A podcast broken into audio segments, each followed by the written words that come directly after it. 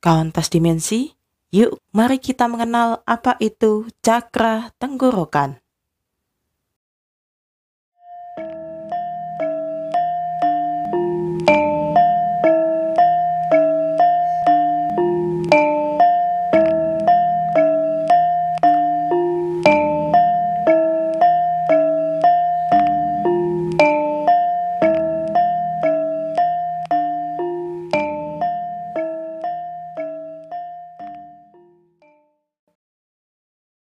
Cakra tenggorokan atau visuda ini memang tidak terlalu dikenal seperti cakra jantung yang kita bahas di episode sebelumnya ya. Padahal cakra ini juga sama pentingnya yaitu sebagai jalan masuknya energi ketiga setelah cakra mahkota, cakra asna baru ke cakra tenggorokan. Eh, emang fungsinya ini selain ini itu buat apa ya gitu kan? Jadi cakra tenggorokan ini sebenarnya berfungsi sebagai penyalur dari hasrat akan kreativitas yang muncul dari cakra jantung. Semisal nih ya, ini contoh secara umumnya, kita punya ide di kepala untuk membuat sesuatu yang bukan hanya indah, tapi berfungsi untuk memudahkan pekerjaan kita. Dari otak, perintah itu turun, terus diolah ke cakra jantung ini untuk dimunculkan melalui hasrat. Nah, hasrat inilah yang diwujudkan melalui cakra tenggorokan. Dan kita harus berterima kasih juga kepada si hasrat ini karena dengan adanya hasrat kita jadi hidup.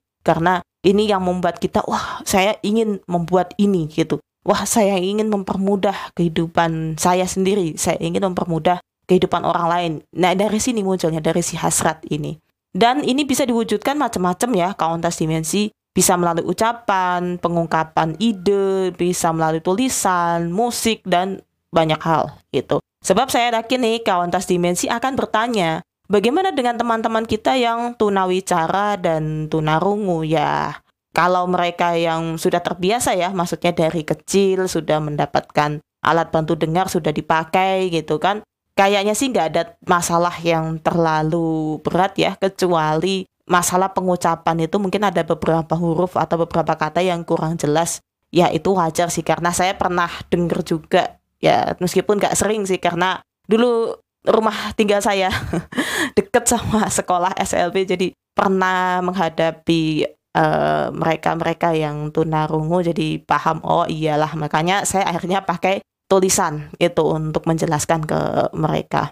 Nah kalau mereka yang ini jadi masalah nih kalau anda musik gimana kalau mereka yang maaf ya dari kecil tidak mendapatkan alat itu dan mungkin baru sudah dapat bantuan alat bantu dengar ketika sudah dewasa atau uh, umur belasan tahun ya gimana ya ini bakalannya susah buat mereka atau bahkan mereka nggak nyaman dan akhirnya mereka memilih untuk berbicara menggunakan bahasa isyarat. Nah itu tadi cakra tenggorokan tidak harus keluar melalui tenggorokan melalui mulut tetapi ini juga bisa dialihfungsikan atau dialirkan ke fungsi tubuh yang lain dengan kaki misalnya, dengan tangan gitu kan, atau ya dengan banyak hal. Bahkan saya pernah dengar satu cerita penulis yang unik ya.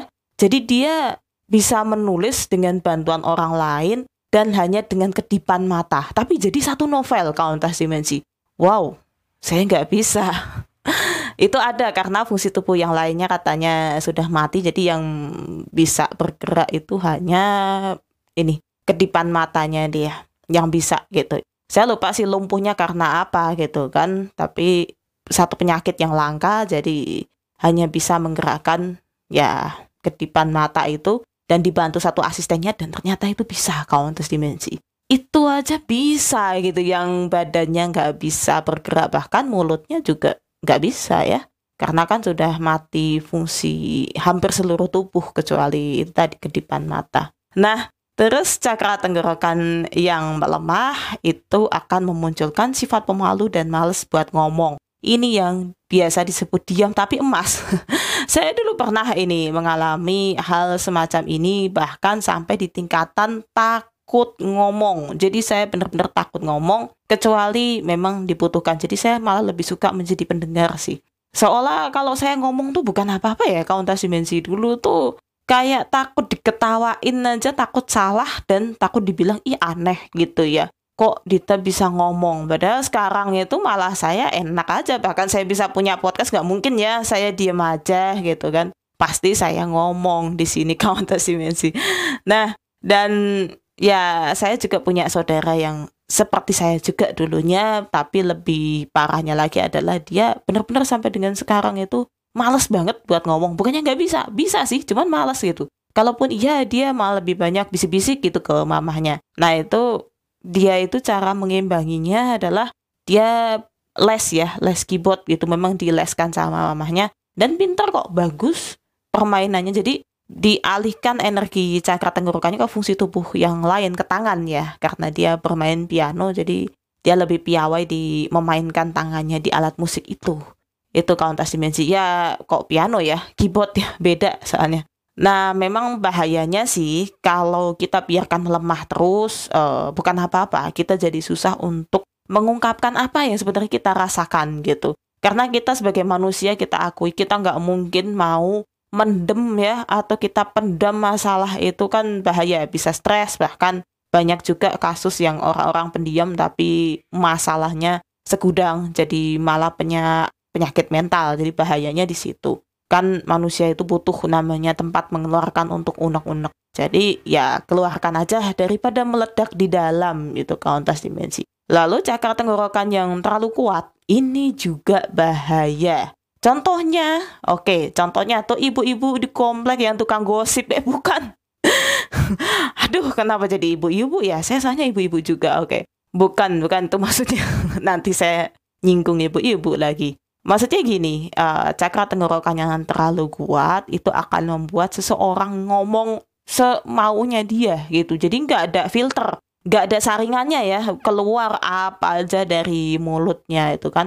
Makanya orang dengan energi di cakra tenggorokan yang terlalu besar ini, cocoknya itu dia harus mengeluarkan suara, kegiatan yang mengeluarkan suara dan kegiatan ini tentunya positif ya, kauntas dimensi seperti nyanyi, Terus jadi pembicara di seminar, wah itu kan harus powerful ya. Cakra tenggorokannya, terus menjadi penyiar radio. Sampai seperti saya jadi podcaster, wah itu wajib banget ya cakra tenggorokannya harus maksimal supaya bisa ngomong gitu. Kalau nggak terkendali sih, ya bukan apa-apa. Nanti jatuhnya, aduh nanti sekebun binatang disebut semua ya. Ya nggak mungkin ya saya contohin di sini ini nanti jatuhnya podcast ini jadi kasar dong kalau saya sebutin kayak apa ya minimalnya sih kalau ibu-ibu jadi tukang gosip gitu ya kalau nggak ditata bahaya atau bahkan tukang fitnah waduh lebih ngeri lagi kontes dimensi lalu bagaimana dengan mengimbangi cakra tenggorokan yang terlalu lemah atau terlalu besar nah lagi-lagi ini ke meditasi ya bisa menjadi jalan yang mudah untuk ditempuh dengan mengimbangi energi pada cakra tenggorokan ini. Jadi nggak terlalu gede, nggak terlalu kecil di situ. Tapi kalau kauntas dimensi males ya, wah kok semua saran, perasaan meditasi semua. Nah, bisa ada cara lebih mudah lagi. Pertama bisa latihan vokal. Itu kalau untuk kawan lintas dimensi yang butuh ya, terutamanya ini untuk menjadi pembicara itu kan butuh banget berlatih vokal gimana caranya supaya bisa ngomong maksudnya gitu. Dan yang kedua adalah nyanyi.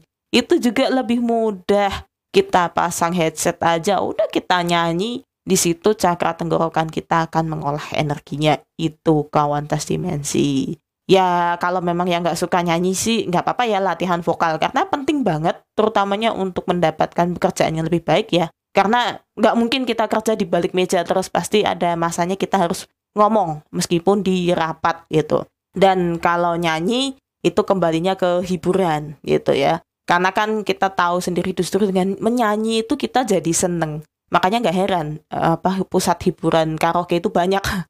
Termasuk di HP juga ada ya. Kita mau karaokean online tapi nggak apa-apa, pakai aja gitu. Kalau memang malu untuk datang ke tempat karaokean, apalagi podcast ini juga direkam masa pandemi ya kayaknya kalau kita datang ke tempat-tempat semacam itu takut juga. Makanya kita udah kita karaokean di HP online aja enggak masalah itu wah suara saya jelek mbak. Enggak apa-apa gitu kan. Ini bukan masalah suara jelek atau enggak. Kamanya kita melatih diri menyanyi gitu. Makin lama nanti kita jadi bagus sendiri. Ya, suara saya juga nggak bagus sih sebenarnya kalau buat nyanyi. Makanya saya nggak suka nyanyi gitu kan. Ya hanya tertentu aja saya nyanyi ya udah untuk hiburan selesai. Begitu dengernya jelek juga.